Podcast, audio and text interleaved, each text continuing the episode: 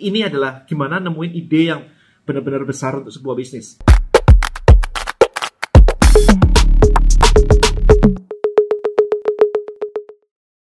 Content Creator Black Book. Buat konten, hasilkan income. Temukan rahasianya di contentcreatorblackbook.com. Alright guys, in this video saya pengen ngebahas gimana sih caranya untuk mencari sebuah ide bisnis. Oke, dalam konteks gimana sih bikin bisnis yang besar ya. Ini kalau kalau saya personally saya share gitu kan. Kemarin saya ngebangun Tribelio, Anda tahu saya ngebangun Tribelio sebuah platform untuk membuat mengubah follower menjadi prospek atau customer dan punya community platform. Well, gimana sih sebenarnya cari ide itu? Jadi saya nggak ngomongin tentang cari ide sesimpel seperti um, cari produk dan dijual atau cari market kemudian kita riset kecil-kecil cuman kayak niru jualan t-shirt, jualan casing, bukan kayak begitu. Ini adalah gimana nemuin ide yang benar-benar besar untuk sebuah bisnis. Alright, so ada lima cara. Yang pertama adalah temukan sebuah problem dan fix it in a scalable way. Gimana caranya menemukan, jadi temukan sebuah problem, kemudian Anda bisa fix itu problem dengan skill yang besar. Contohnya gampang banget kan, contohnya ya, ya ada Gojek, ada Uber gitu kan, ada Uber gitu pertama kali. Problemnya adalah orang harus gini, panggil taksi di pinggir jalan gitu. Kalau hujan-hujan juga setengah mati kan pakai payung dan gitu dan kita nggak tahu kapan kapan taksi berikutnya akan lewat. Nah itu akan di, itu di fix oleh Uber di mana pakai aplikasi, simple tekan tombol, bisa kelihatan mobilnya jalan, begitu sudah mau nyampe kita keluar. That's it. Cuman itu aja yang mau di solve. Nggak ada aneh-aneh. Bahkan kalau Anda tahu ceritanya Uber di awal banget, mereka ketika nyebarin apps-nya pertama kali, nggak pakai taksi mereka, pakai tim timnya sendiri gitu. Jadi kayak teman-temannya sendiri gitu. Begitu ada tit, mereka yang jalan sendiri, benar-benar kayak begitu. Untuk membuktikan bahwa apakah orang mau order lewat apps. One click datang mau. So itu akhirnya jadi gede banget. Anda tahu Anda tahu sendiri lah ya, Uber jadi gede banget seperti itu. Nah itu yang pertama adalah jadi cari sebuah problem dan Anda bisa fix in a scalable way. Gimana caranya ini bisa fix satu negara gitu. Mimpinya seperti itu. Jadi bukan cuma sekedar saya mau jualan casing handphone, saya mau jualan um, t-shirt, bukan itu. Um, ini lebih ke, ke something yang bigger. Maybe lebih cocok untuk startup, tapi I think startup sekarang juga bisa merevolutionize every industry, right? Jadi nggak sekedar cuma satu industri doang gitu. Oke, yang kedua adalah different geography. Ya, jadi kalau misalkan di US ada Uber, kalau di Indonesia belum ada Uber, berarti Anda bisa punya kesempatan untuk membawa itu masuk ke Indonesia. So why don't you create something yang yang ada di luar dibawa uh, atau di create di dalam Indonesia. Misalnya pakai misalnya ya Uber tadi. Di Indonesia ada ada Gojek, you know right? Ada Gojek, ada ada Grab. Nah, itu kan sebenarnya sama tapi different geo. Jadi lokasinya berbeda. Jadi kalau Anda punya sesuatu, bisa nggak sih itu dibawa keluar atau dari luar dibawa ke, ke masuk sini ke Indonesia? Nah itu Anda pikirin. Makanya penting sekali jadinya kalau Anda jalan-jalan ke luar negeri untuk melihat apa yang ada di sana yang belum ada di Indonesia. Waktu saya jualan suplemen saya, itu different geo. Di Amerika banyak, di Indonesia sedikit. Di Indonesia sedikit, di kota saya nggak ada.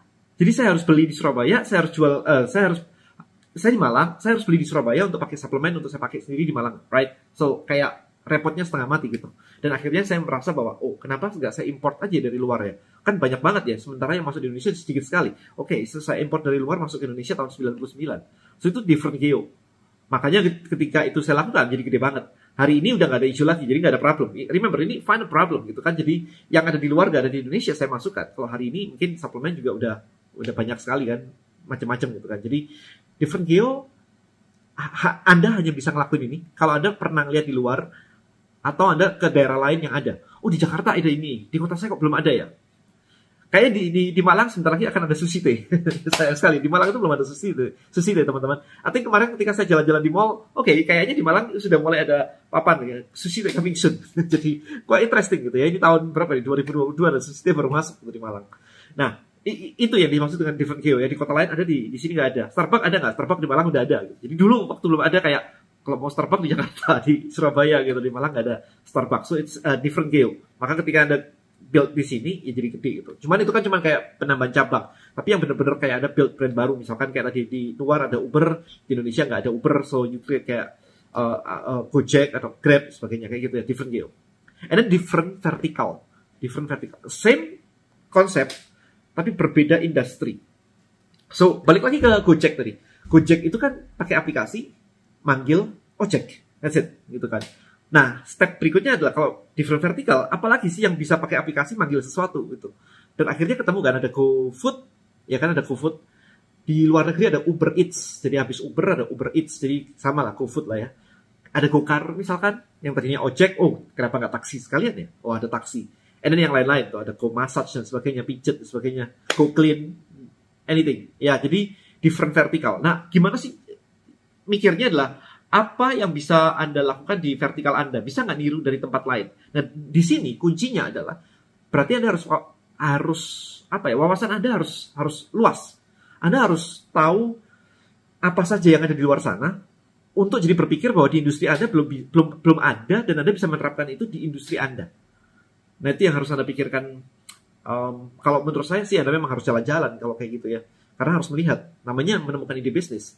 Kan harus lihat dari luar jadi different vertical. Nah ini menariknya ketika anda datang ke acara kayak di mastermind misalkan. Di mastermind itu kan omset orang-orangnya udah gede-gede ya. Kalau mastermind saya itu kan lumayan ya harganya kayak 80 juta gitu di Bali. Dan orang yang mampu bayar 80 juta bisnisnya otomatis udah gede-gede tuh. Nah enaknya adalah biasanya vertikalnya beda-beda. Industrinya beda-beda. Bisnisnya tuh beda-beda. Tapi karena Anda ngumpul di satu tempat, Anda kan cerita kan, oh saya ngelakuin ini, saya ngelakuin ini, saya ngelakuin ini. Nah, yang menarik adalah Anda bisa me anda bisa mendapatkan insight atau belajar apa yang dilakukan oleh vertikal A dan berhasil. Siapa tahu Anda bisa terapkan di vertikal B dan berhasil. Kenapa diterapkan di vertikal C dan berhasil?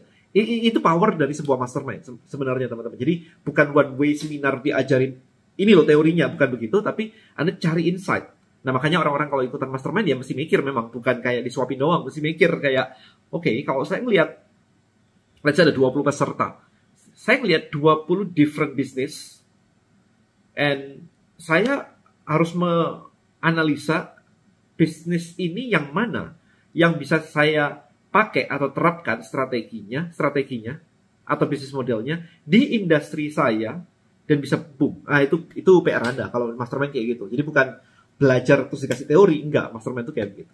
Alright. Oke. Okay.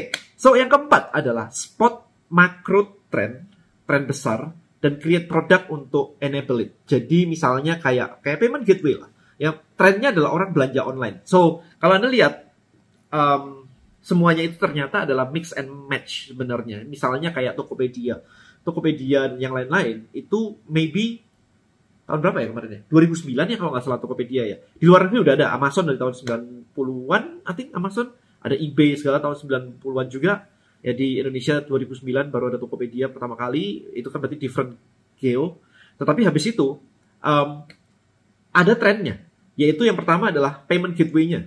Makanya akan muncul payment gateway payment gateway ya untuk memudahkan orang bertransaksi. Karena trennya adalah transaksi mulai cashless lah kemudian pakai apa? Sekarang OVO Dana e-wallet lah ya GoPay dan yang lain-lain uh, mulai ada itu kemudian logistiknya juga sudah mulai ada yang digital kemudian ada warehousingnya jadi itu adalah bisnis-bisnis yang di-create untuk menyelesaikan uh, macro trend. Karena e-commerce-nya harus ada dulu. Jadi kalau e-commerce-nya nggak ada, kayak Tokopedia, uh, Bukalapak, Shopee, dan yang lain-lain, Blibli, dan Lazada, dan yang lain-lain, ini nggak ada, maka nggak ada gunanya untuk meng-create warehouse, payment gateway, dan sebagainya ini. Karena transaksinya belum belum online. Orang masih datang ke toko satu-satu. Kan nggak ada gunanya untuk create warehouse, sistem warehouse yang yang seperti itu. Tapi dengan adanya perubahan di situ, jadi kayak ripple effect gitu teman-teman. Karena adanya Tokopedia, Bukalapak dan sebagainya, maka di situ akan dioptimize satu-satu. Payment gateway-nya mulai dioptimize. Pembayarannya mulai macam-macam. Ada pilihan, aduh sekarang kalau bayar macam-macam ya. Dulu zaman dulu kan cuma kayak bayar cash atau transfer. That's it. Sekarang macam-macam banyak sekali. Nah setelah itu akan move ke um, logistik tadi, model warehouse seperti apa, penyimpanannya seperti apa, manajemennya seperti apa, inventory stoknya seperti apa, ya jadi itu next nextnya. Um, sekarang sudah sudah ada sih bukan nextnya. Tapi I mean kayak urutannya seperti itu. Nah teman-teman mesti perhatikan sekarang apa yang akan terjadi? Ini kalau anda masuk di spot a new trend seperti ini. Nah kemudian yang kelima. Yang kelima. Yang kelima adalah benar-benar anda menemukan sesuatu yang baru. Steve Jobs misalkan. Dia menemukan iPad like kayak iPod gitu kan iPod improvement sebenarnya iya not really improvement it's a mix ya karena dulu itu anda tahu sendiri dulu itu pakai hard disk. Ya, jadi hard disknya gede banget gitu. Kayaknya nggak nggak pernah pakai hard disk deh waktu itu ya. Waktu itu malah Walkman ya, Walkman. Habis Walkman pakai CD. Saya punya tuh yang CD. Walkman saya punya kalau nggak salah. CD yang saya ingat punya banget. Jadi CD player tapi portable begitu, kecil begitu pakai headset. Lucu banget. Nah, habis itu baru adanya iPod. I think iPod di 2001 ya kalau nggak salah ya. iPod 2001, kemudian iPhone 2007, kemudian iPad 2010. Jadi Steve Jobs itu benar-benar jago banget untuk meng-create something yang new, new, new seperti itu. Jadi benar-benar crazy lah. Dia namanya adalah um, kategori designer kalau istilahnya ya, kategori designer. Jadi dia meng-create sebuah kategori baru um, dan bisa booming, bisa gede. Sekarang orang nyebutnya udah kayak tablet gitu kan. Dulu kan nggak ada nama tablet, sebagainya kan nggak ada. Nah, ini adalah lima hal yang yang bisa anda pelajari kurang lebih kayak begini. Tetapi nanti at the end of the day akan ada mix and match. Different vertical, different geo, campur lagi fix new problem dengan uh, scalable way, itu akan jadi mix and match. Kalau Anda melihat Tribelio, Tribelio itu sudah mix and match sebenarnya. Jadi problemnya adalah orang dari sosial media gimana caranya untuk dapetin database, dapetin minta nama, email dan sebagainya, kemudian bisa diedukasi dan kemudian dikasih komunitasnya.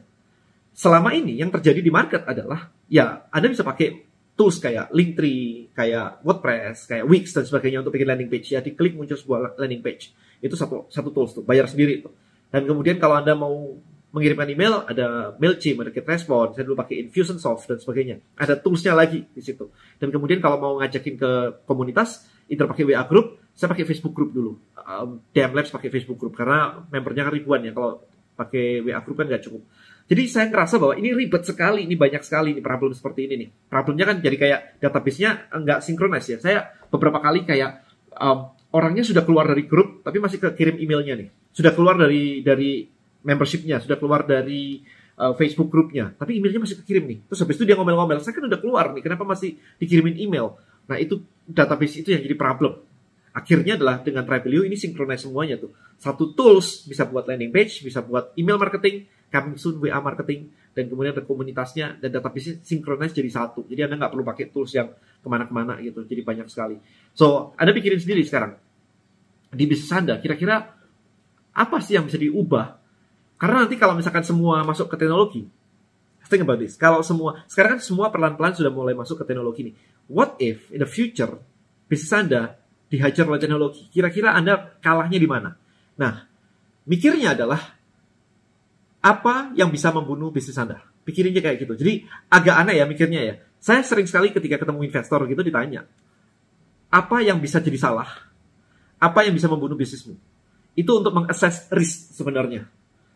Ya, jadi supaya Anda tahu bahwa ketika mikirin sebuah ide bisnis, apa yang bisa salah dan kemudian bisa membunuh bisnis Anda. Tapi kalau ini diteruskan jadi panjang banget ya. Jadi ya kurang lebih itu, itu pembahasannya teman-teman. Jadi kalau nanti ada ikutan di acara saya kayak DM Elite, ada ya www.dmeliteofficial tanggal 21 22 Mei. Nanti ada VIP Mastermind. Nah, diskusinya kayak begini sebenarnya, akan dalam banget. Apa yang bisa membunuhmu, apa yang bisa membunuh bisnismu, apa yang bisa salah, apa yang bisa miss kayak gitu yang dibahas. Jadi itu sesuatu yang yang nggak biasa ya. Kalau biasanya kan kita selalu kayak, oh kita let's do marketing, let's do ini, let's do Facebook ads sebagainya. Apa yang bisa jadi resiko nih? Nah itu kita bahas lebih detail lagi. Atau gitu aja biar gak kepanjangan video ini teman-teman. Thank you so much. Semoga ada belajar banyak and see you in next video. Bye bye.